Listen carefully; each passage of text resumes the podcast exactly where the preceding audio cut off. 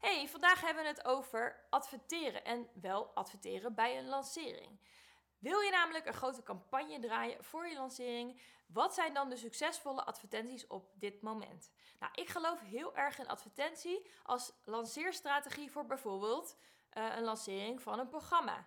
Omdat je bereik echt al veel groter kan zijn. Je kan allemaal mensen aanspreken die nog nooit van jou gehoord hebben. Maar natuurlijk ook eventjes voor de mensen's ogen komen die jou al wel kennen. Dus advertenties zijn heel handig om in te zetten bij een lancering.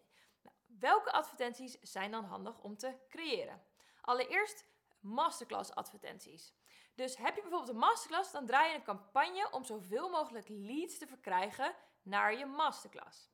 Ten tweede, als je programma dan vervolgens open is, kun je een campagne draaien, bijvoorbeeld naar je warme doelgroep. Dat zijn mensen die jou al kennen of die zich in hebben geschreven voor de masterclass, die jou al volgen, waarbij je vertelt: hé, hey, mijn programma is open, het is tijd om in te schrijven. Nou, dit is best wel goedkoop, omdat je niet zo heel erg veel mensen hoeft te bereiken. En als laatste de winkelwagen gaat dicht. Het programma gaat bijna sluiten. Dus een soort van reminder. De laatste twee dagen voor je lancering maak je nog een campagne met de deuren gaan dicht. Dus schrijf je nu in. Nou, ik draai voor mijn klanten ook alle campagnes. En wat mij opvalt, is dat er twee soorten advertenties gewoon met kop en schouder telkens bovenuit stijgen. En dat is de carousel video advertenties die goed werken. En dat zijn um, story advertenties. Stories op Instagram zijn 15 seconden. En een carousel video advertenties zijn 3 keer 15 seconden video's. Kan ook eventueel plaatjes zijn, maar ik zie dat de video's heel erg goed werken. Dat werkt goed. En ten tweede ook gewoon de normale feed advertentie. Dat zijn gewoon die vierkantjes. Ik vond dat ze vorig jaar minder goed deden. Ik heb dit jaar echt veel betere resultaten daarbij. En wat de bedoeling is, is dat zo'n vierkantje, dat komt dan in je feed terecht op Instagram en op Facebook.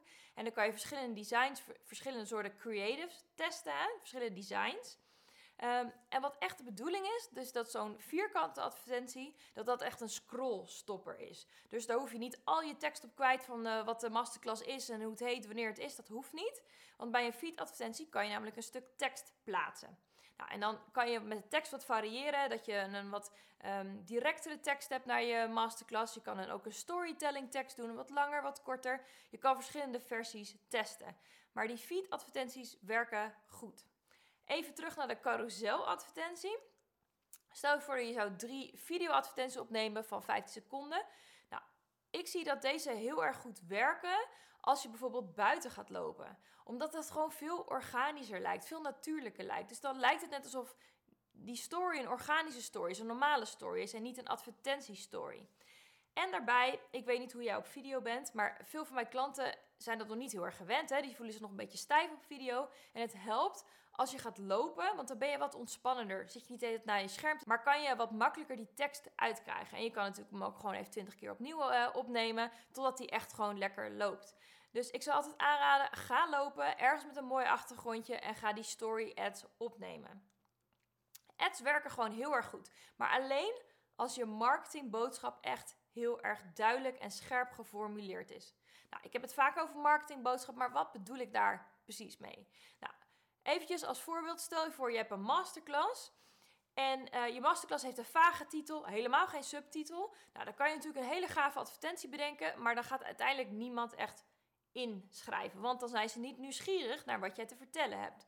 Dus zorg altijd dat jij een goede titel hebt, een goede subtitel, wat het een oplevert. Het moet nieuwsgierig maken. Het moet een klein tipje van de sluier oplichten. Het moet niet helemaal vaag zijn, zou het natuurlijk niet uh, duidelijk zijn waarom ze zich moeten inschrijven.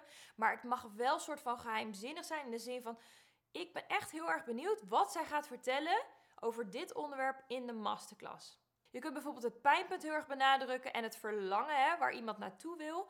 Dat kan allemaal in die marketingboodschap zitten.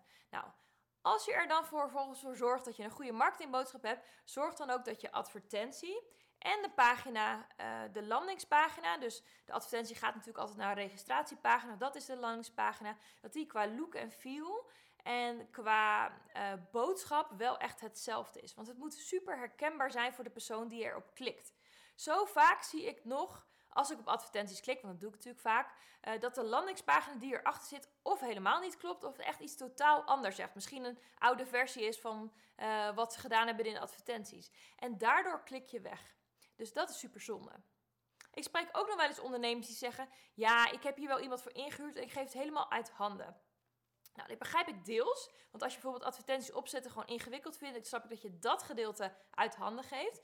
Maar uh, probeer niet alles uit handen te geven. Ik heb zelf in het verleden ook gewerkt met verschillende bureaus uh, voor hele grote campagnes die we uh, deden. Maar daarbij is het altijd belangrijk dat jij als ondernemer, die jouw doelgroep het beste kent, dat jij de teksten schrijft en dat jij ook de visuals aanlevert. En nu kan het zijn dat je dat uit handen geeft aan een bureau die dan nog wat adviezen daarover geeft. Dat is prima. Maar zorg wel dat jij de creator bent van de content. geef dit dus niet de verantwoordelijkheid 100% aan een bureau. Want ik zie gewoon dat die ads gewoon niet goed draaien. Ehm, ze kunnen de ads misschien wel netjes instellen, maar uiteindelijk ben jij degene die echt jouw klant kent. Nou, dit zijn wat tips als je gaat adverteren bij een lancering. Advertenties zijn in mijn onderdeel Advertenties zijn een belangrijk deel van jouw lanceringsstrategie. Maar het is zeker niet de enige strategie. Hè? Het is ook niet per se noodzakelijk als je bijvoorbeeld ook andere leadstromen hebt om bijvoorbeeld je masterclass te vullen. Je kan natuurlijk meerdere strategieën hebben. Maar zelfs als je dat hebt, kan het nog steeds heel erg veel voor je business doen. Je moet maar eens kijken. De businesses die het echt heel erg goed doen, uh, adverteren vaak of hebben vaak in het verleden veel geadverteerd. Je kan gewoon wat sneller groeien. Maar het is natuurlijk wel belangrijk dat je het op de juiste manier inzet. Want advertenties kunnen natuurlijk ook echt een money sucker zijn. Kan je helemaal leegzuigen uh, als het niet aanslaat. Dus stop er dan ook mee. Als het niet werkt, dan moet je je marketingboodschap gaan aanpassen en je advertenties gaan aanpassen. Mocht je nu denken, ik wil lanceren en het lijkt wel gaaf om met advertenties te werken, heb ik misschien nog niet eerder gedaan.